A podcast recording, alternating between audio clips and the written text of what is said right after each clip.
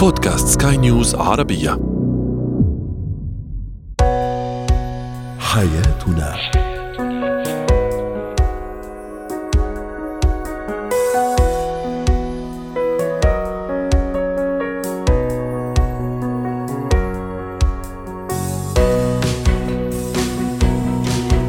الكرام أهلا بكم معنا إلى حياتنا. فضاؤكم اليومي الذي يعنى بشؤون الأسرة وباقي الشؤون الحياتية الأخرى والذي يمكنكم الاستماع إليه عبر منصة سكاي نيوز كوم وأيضا يمكنكم المشاركة عبر رقمي الواتساب 00971 561 88 6223 معي أنا أمال شاب اليوم نتحدث عن أسباب فقدان الثقة بين الزوجين. كيف نسترجع وكيف نعيد بناء هذه الثقة؟ طفلي ينقل أسرار البيت خارجا. كيف أثنيه عن ذلك؟ وأخيرا كيف نكون متوازنين في مشاعرنا؟ كرها حبا انتقاما كل المشاعر كيف نكون متوازنين فيها وغير متطرفين؟ هو وهي. ما أصعب الحياة بين الزوجين إذا كانت مليئة بالشك والغيرة وقلة الثقة؟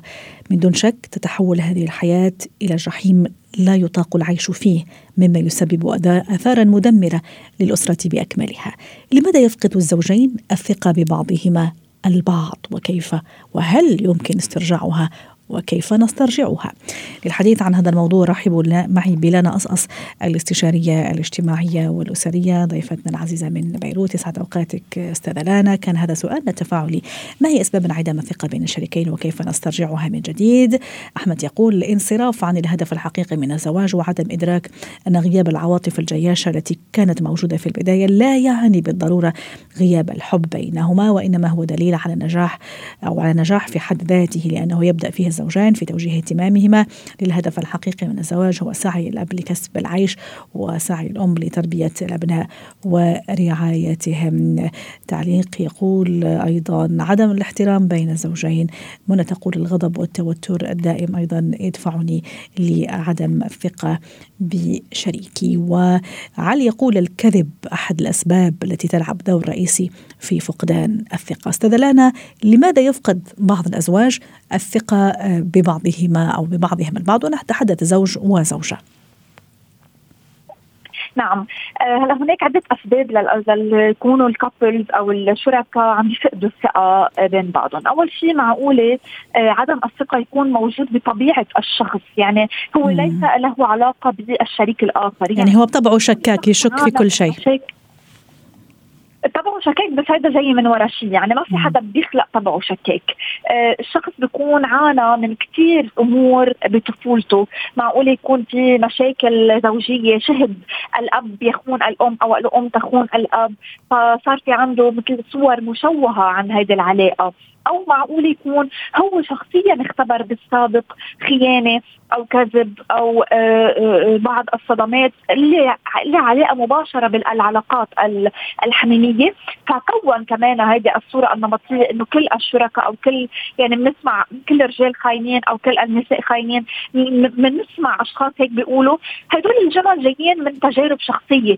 الشخص عاناها الشخص توجع منها فكون ستيريوتايب طيب اذا آه، قد تكون أسباب الثقه من أسباب شخصية لأحد الشريكين. قد تكون نعم. أسباب تربوية لها علاقة بالتنشئة بتربيه قد تكون كمان عندها أسباب بتجارب شخصية عاشها هذا الشريك. نروح لسبب آخر أو أسباب أخرى نعم. أستاذة لانا؟ نعم أكيد. هي لها علاقة بالعلاقه بحد ذاتها مع الشريك. يعني بيكون اختبر كذب أو اختبر آه، خيانة من الشريك اللي هو معه حاليا. يعني يا أما بدها تكون سببها بالماضي شخص هو معه يا أما آه، آه، صارت معه حاليا مع هذا الشريك. بالحالتين كل وحدة لازم نكون عم نتصرف فيها بطريقة معينة. يعني لما يكون الشخص هو عانى من مشكلة شخصية وما خص شريكه بهيدا اللي بنسميها نحن trust issue أو مشكلة الثقة بين الشخص. إذا ما خصه شريكي الحالي أنا لازم أكون عم بعالج نفسي وأنا لازم أكون عم بعمل آه، متابعة آه، مع اختصاصي أو كون عم باخذ القرار إني غير بنمط تفكيري لأنه ما ذنبه شريكي بالشيء اللي حصل. أما إذا كان هذا الشريك هو آه، آه، إذا بدك مسؤوليه مباشرة آه، بس معلش أستاذ أنا يعني شوية أخذنا يعني عم نحكي على الحلول قبل ما أنا كان بدي أسأل كمان ما هي آثار فقدان نعم. الثقه على الكبل على الزوج على الزوجة؟ يمكن حتى على الأطفال هل تتأثر الأسرة؟ هل يتأثر هذا البناء؟ تحدثنا في البداية عن الأسباب ثم كيف كيف هذا الفقدان الثقة بيناتهم؟ نشوفه كذا على أرض الواقع تصرفات وأفعال أيضا. نعم نعم. أكيد له آه، له كثير آه، آه، شو بيقولوا أثار. اللي هي أصلا إنه الشخص على طول بضل بفكر إنه في في شيء سيء بده يكون عم بيجي يعني طريقة تفكيره بالضبط الإيجابية ابدا. على طول آه، الشك بيكون محاوطه. فبالتالي بيفقد آه، العيش بالوقت الحالي صح. بطريقة صحية وبطريقة صح. إيجابية وبطريقة سعيدة. فهو على طول عم يفكر إنه الشخص الثاني بده يأذيني أو الشخص الثاني بده يخونني أو الشخص الثاني بده يعمل لي شيء وأنا ما أكون مرتاحة. وعلى طول يسعى كمان لكشف معلش أستاذ أفتح قوس. آه، تعقيبا على كلامك نعم. على على طول كمان يسعى لكشف خيانة ما كذب ما وكأنه عم يدور على شيء حتى يثبت إنه هو صح والطرف الآخر نعم. خطأ أو غلط. نعم. نعم نعم. هيدي آه هذا على طول لأنه شخص بضل بدوامة بفوت بدوامة شك. ولما نكون عم فايتين بدوامة شك بنبطل نقدر نكون عم نشوف أي شيء بطريقة صحيحة. لأنه بنصير متمحورين حول فكرة معينة إنه الشخص اللي بده يكون مقابليه بده يأذيني.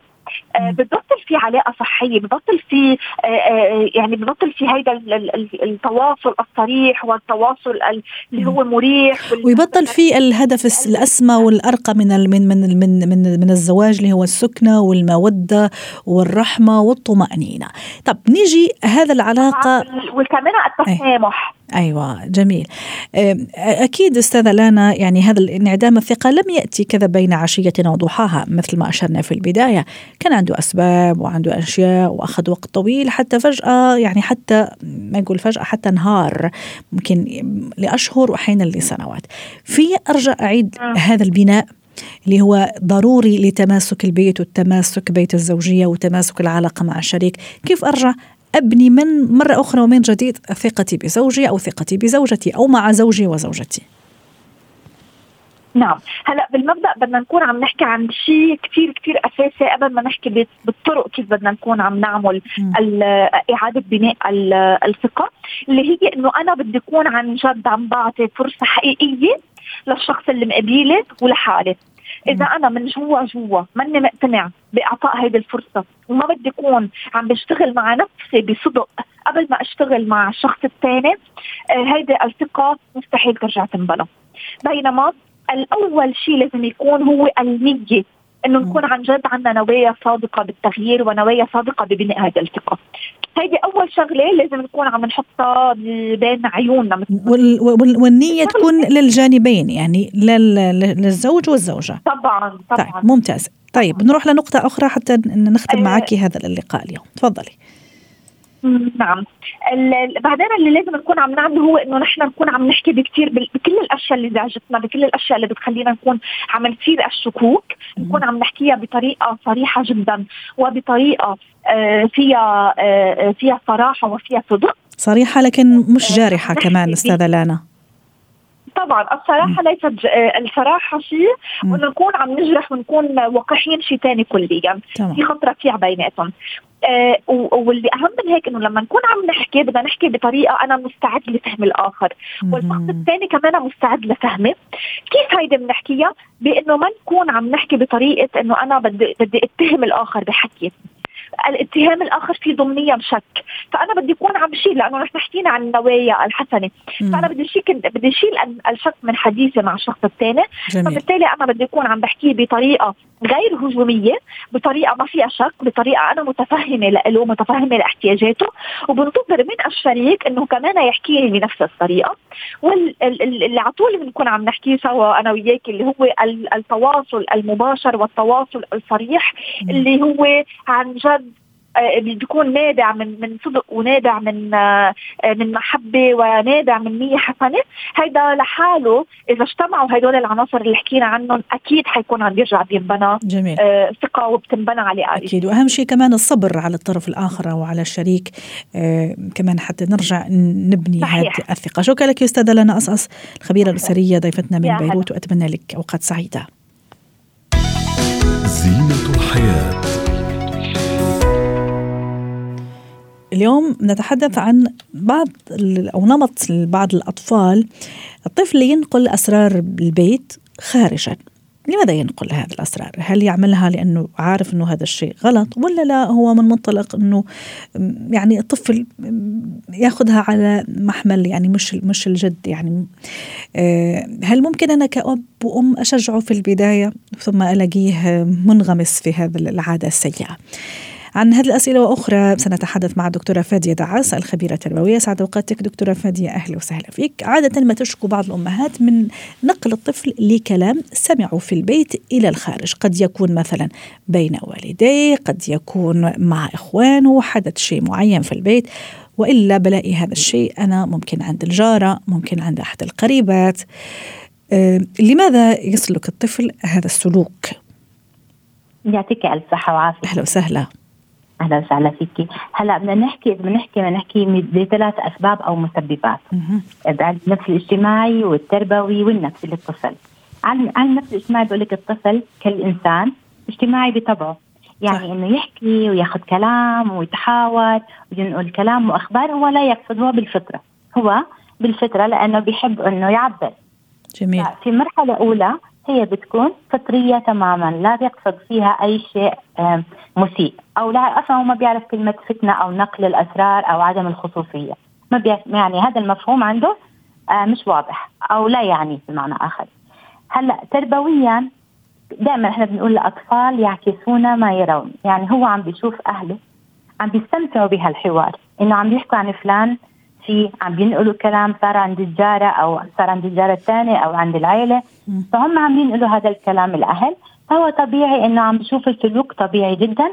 بيبدأ هو كمان ينقله وكمان ممكن نقول إنه في ناس قد تكون تستغل هذا الطفل. هون يعني ما بدنا ندخل في نظرية مؤامرات لكن في بعض الناس ممكن بدهم يعرفوا أسرار البيت يعرفوا أسرارهم من أطفالهم. ممكن يسألوه بطريقة غير مباشرة وهو يتجاوب. ممكن أنا كأب وأم مثل ما أشرت في البداية أنا أطلب منه مثلا ينقل لي أخبار عن أخوه الكبير أو الصغير أو عن الوالد أو عن والدته. اعملها مرة مرتين ثلاثة ثم خلص بتصير بالنسبة آه. للطفل عادة ممكن هو مرة أخرى يجي حتى يتطوع من غير ما أنا أسأله فتصور هذا كمان شيء خطير أنا عم أتصرفه مع ابني من غير ما أعرف إنه أنا عم انمي فيه خصلة أو سلوك مش كويس خاصة إذا ضل معه لسنوات مقبلة صحيح تخيلي إنه الأم مثلا تبعت طفلها ذكر مع أبوه وتقول له قل لي إيش بصير مع بابا مم. مع مين بيقعد شو بيحكي مم. مثلا وهذه بتصير فعليا وشق ثالث النفسي. هلأ إذا الأم عم تسمع للجاره الفلانية وعم تحمل طفلها مثلا أو للأخ الأكبر عم تحمل هذا الطفل أو أو كذا آه، في نفس الوقت إنه أنا كمان موجود. إذا أنت هذا الحديث اللي هو بيعطيك يعني تعطيه وقتك واهتمامك اذا أنا سوف أشارك بمثل هذا الحديث. أنا رح أقول لك كذا يعني كذا كذا حدث كذا حنقول لك أخبار حتى أكون مسار انتباهك واهتمامك فيني. بهذا الوقت اللي أنا بط... يعني حابة إنك تهتمي فيه أكثر.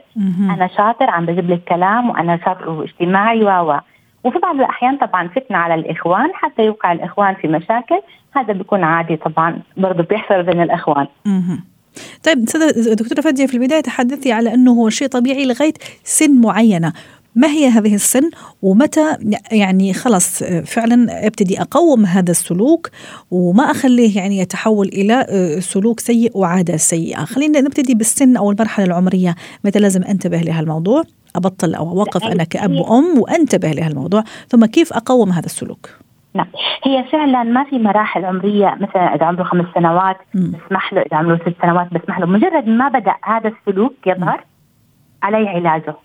لا لأنه أنت حضرتك في البداية قلتي مثلا سنتين ثلاثة أكيد ما راح يعي. ممكن حتى الكلمات والجمل اللي يقولها حتى مش مش كاملة لكن هو يحاول ينقل لي شيء معين حدث لأنه زي ما تفضلتي هو بطبعه خياله خص ممكن حتى نعم. يألف قصص على القصة الحقيقية اللي صارت ممكن يضيف لها من مخيلته. سنة سنتين ثلاثة أتصور عادي يعني ما في مشكلة. لكن لما الطفل يبتدي يكبر وممكن حتى يعرف معنى القيم ومعنى الصح ومعنى الخطأ هون لازم يكون التدخل. كيف أقوم السلوك إذا ابني حسيت أنه هذا السلوك صار صار تقريبا عادة فيه؟ رايحة يجيب نعم. لي أخبار جاي من المدرسة يجيب لي أخبار عن الجارة عن الجيران عن أبوه زي ما تفضلتي عن أمه مثلا. نعم. كيف أقوم السلوك؟ طيب هلأ بنحكي عن مراحل العلاج يعني. انت في بداية العمر أكيد حتواجهيه. إذا بدأ هو يحكي عن شيء انت ابعدي انتباهه عن هذا الشيء. يعني إذا بدي يعني نقول لك خبر حصل أنا بقول لك مثلا مثال. في إحدى الروضات كنا بنشرح الألوان مثلا هو طرفه سريعة. آه فالولد لما فهمنا اللون الأحمر فأحد الأطفال في سن أربع سنوات قال إنه ماما بالأمس بابا طلب منها إنها تصبغ شعرها أحمر. يعني دخل في نقل أسرار البيت. هلأ أنت كمربية وكمعلمة هو يمكن عمل الربط مشان اللون الأحمر. تماما. مم. ولكن بنفس الوقت في بعض العبارات قالها أنا ما حقدر أقولها إنه هي عم بحكي شو صار في البيت. أيوة. إنه السيجار على اللون مم. على كذا على كذا. لكن إحنا كمربيين وكم كأم كيف ممكن بذكاء تبهدي هذا الموضوع حسسنا إنه إحنا مش موضوعنا نسمع آه بطريقة أو بأخرى، طيب إيش في ألوان أحمر كانت أو ما هو اللون الأحمر؟ بعدنا أو شتتنا انتباهه عن موضوع إنه يتكلم في خصوصيات. لازم يعرف إنه هناك خصوصيات وهذا بيبدأ بالحوار بالتوجيه من الأم إنه في شيء اسمه خصوصيات حتى خصوصيات ما بيني وبينك. إذا هو اساء تصرف معين ما أجي أو كان عنده موقف معين ما أجي أتكلم فيه قدام العيلة أو مثلا آه. والله صار معه كذا كذا كذا. لازم يعرف إنه في خصوصيات بيني وبينك حتى لأخوك أو أختك أنا ما بتكلم فيها. فمن هنا إنه لما يبدأ يحكي اقعد أقول له بالبادي لانجوج وبالحديث ماما هذا شيء ما بيخصنا مش من خصوصيتنا. ويتحول الحوار لشيء ثاني مهم يجذبه أو بيهمه أكثر. حتى يحس إنه لأنه فعلا في في علاج الخطوه الثانية بالعلاج هو العلاج بالعقاب لكن ليس العلاج البدني. مم. هو إنك بتعالجي الموقف بإنك آه تبعدي عنه ما تكلمي بمعنى آخر إنه لا أنا آسفة ما راح أتكلم معك حاليا إلى أني أحس إنه هذا السلوك أو هذا التصرف أو إنك فهمت فعلا إيش يعني الخصوصية إنك ما تنقل أخبار أو ما تجيب أخبار. فهو طبعا هون بيعز عليه إنه الأم ما بتكلمه زعلانة منه مم. لفترة معينة. برجع هو ببرمج ماما أنا آسف.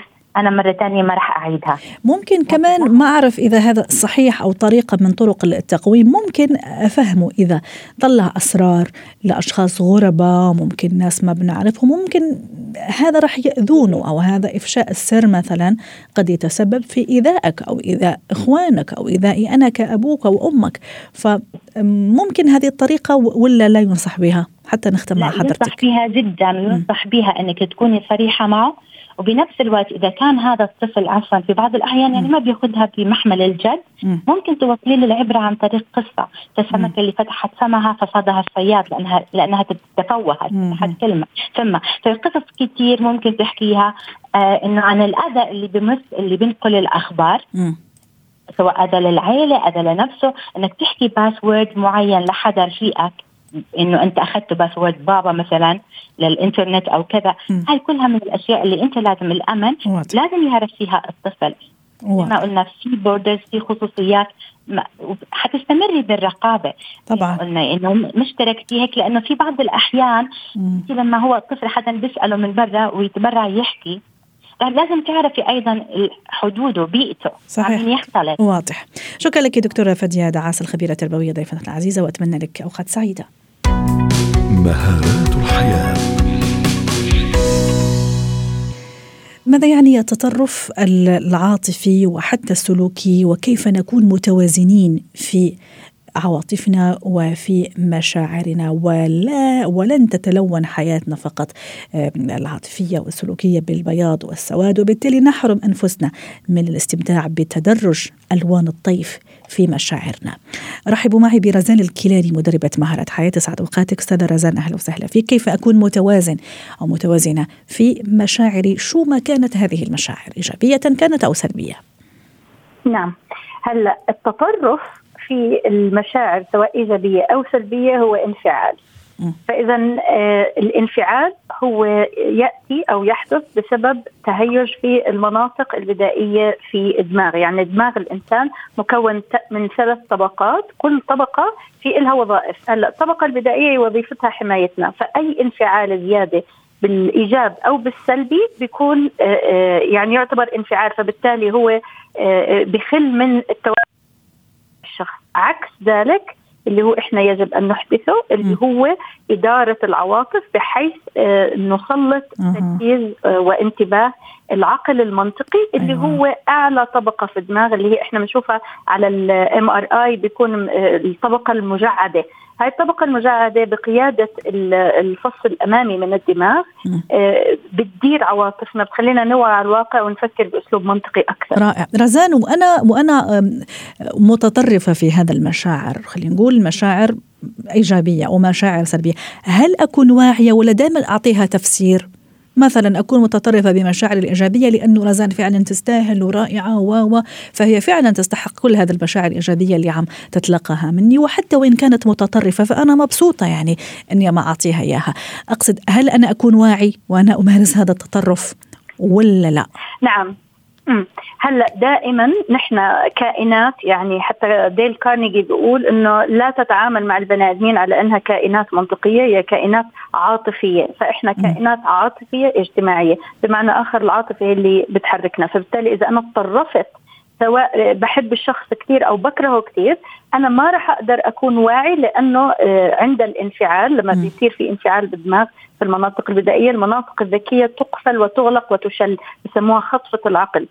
فبالتالي من الحكمة أني أنا أعتدل سواء في السراء أو الضراء بحيث أني أنا أكون دائما هادي وواعي ويكون عندي يقظة ذهنية أو تأمل واعي بحيث أني أنا أقدر أنتبه أنا شو عمالي بعمل فعلشان ما أندم على تبعات الأمور يعني طيب. هذا ب... إيه أعطيني مثال أستاذ رزان أعطينا نعم. مثال إذا تسمحي نعم. مثلا أنا متطرفة جدا نعم. في مشاعر إيجابية تجاه رزان مثلا ومثلا ما عندي قدرة على التفكير بشكل منطقي ما عندي قدرة على الصبر يعني حسيت أني شوية يعني الأمور خرجت عن عن نصابها. كيف أرجعها لنصابها وكيف أرجع توازني في هذا المشاعر؟ نعم. هلا بنبدأ أول شيء ببلش أنا بستحضر عقلي المنطقي الواعي. م. ببلش أعي ما, ما يحدث بداخلي وبداخل عقلي. وأراقب نفسي صح رزان؟ أراقب م. طبعا. أراقب مشاعري. مشاعري. زي كأنها سلو موشن ببطء. يعني أنا إيش عم بصير معي؟ قلبي عم بدق بسرعة. طب ليش؟ مم. أسأل نفسي ليش؟ هاي بسموها إدارة المشاعر. مهارة إدارة المشاعر هي من مهارات الذكاء العاطفي. فبالتالي بستحضر اليقظة الذهنية. ببلش أوعى إيش اللي عماله بصير معي. ببلش أفكر بتبعات الأمور. طب إذا أنا هلأ اضطرفت وتحمست زيادة إيش تبعات هذا الموضوع؟ هل أنا عم بعمل هيك؟ شو دافعي الأساسي من جوا إني أنا عم بعمل هيك؟ بعمل عشان أكسب ثقة شخص؟ ولا علشان أستميله ولا علشان أبعده عني؟ يعني مرات بيكون التطرف بالكره والعصبية والغضب. مرات إحنا بنغضب كثير وبنتطرف مع الناس اللي بنعزهم أنا يجب أن أتحقق من دافعي. هل أنا بدي أخسر هذا الشخص اللي قدامي؟ مثلا شريك الحياة في خناقة في في خصام إلى آخره. أتطرف في مشاعر الكره والغضب ولا أتطرف في مشاعر التعلق والحب اذا أنا يجب أن أعي يعني عكس الانفعال التطرف يعني انفعال الانفعال. بشل مراكز التفكير المنطقي طيب. عكسها إني أنا أعي وأدير مشاعري مه. طب في خطوة أخرى كمان رزان حبت تشيري ليها وأنا عم حاول أكون متوازن في في التطرف مثلا رد رد فعل الطرف الآخر هل كمان عنده آآ آآ إيجابية أو عنده دخل في هالموضوع يعني يعتبر بمثابة الترمومتر كمان إذا بدك زي مقياس الحرارة كذا يقيس لي إذا, إذا أنا متوازنة في هذا المشاعر ولا لا. باختصار رزان. تمام تمام. أنا عندي سيطرة فقط على ما يجول بداخلي. مم. فبالتالي أنا ما بقدر أسيطر على الآخرين ولكن بقدر أفكر بتبعات أفعالي. إذا أنا عم بظهر لهذا الشخص آه اهتمام أو تعلق إيش تبعات هذا الموضوع؟ إيش رح يكلفني؟ إيش رح أخسر؟ إيش رح اكسب إلى آخره. فهون لازم أنا أكون على اتصال مع دوافعي لازم أهدئ نفسي. وكمان من الأسباب للتطرف العاطفي هو عدم الراحة. يعني أنا مثلا أسلوب حياتي سيء. آه، أنا مثلا مش عمالي بوعى على مشاعري دائما عندي stress وقلق وإلى آخره. برضه إنه يكون عندي أسلوب حياة آه، واضح. صحي بيساعدني برضه على التأمل والوعي على مشاعري. ويبقى التوازن رائع وجميل في كل مناحي الحياة ولا للتطرف كمان في كل مناحي الحياة حتى في مشاعرنا كرها حبا انتقاما كل المشاعر لازم نكون متوازنين فيها. شكرا لك رزان الكيلاني ضيفتنا من الأردن. ختم حلقة اليوم من حياتنا. شكرا لكم وإلى اللقاء.